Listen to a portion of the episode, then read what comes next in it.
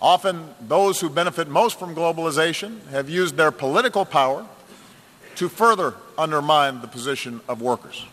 In developing countries, labor organizations have often been suppressed, and the growth of the middle class has been held back by corruption and underinvestment.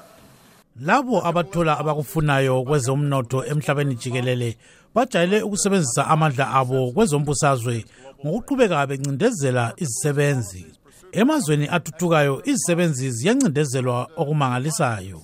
Okunye okwenza izisebenzi eziningi zingathuthuki yikufumbathisana lokungavezeli imali uzulu. Meanwhile, global capital is too often unaccountable.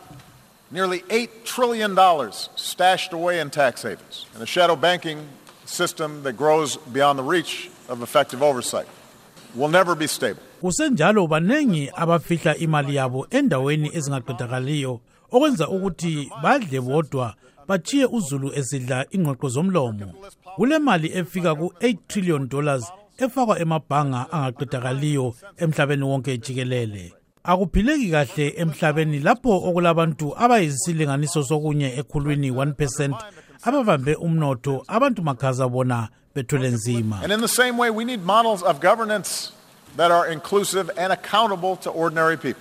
I recognize not every country in this hall is going to follow the same model of governance. I do not think that America can or should impose our system of government on other countries. kumele njalo sibe labohulumende ababuswa ngabantu ngiyakwazi ukuthi ohulumende abalapha bangeke benza okufanayo njalo elemelika lingeke litsho ukuthi kumele benzeni But there appears to be a growing contest between authoritarianism and liberalism right now. And I want everybody to understand I am not neutral in that contest. I believe in a liberal political order, an order built not just through elections and representative government, but also through respect for human rights. Kukhanya kathesi kulokulwisana phakathi kokubusa kukazulu lokubuswa yilabo abaphethe intambo.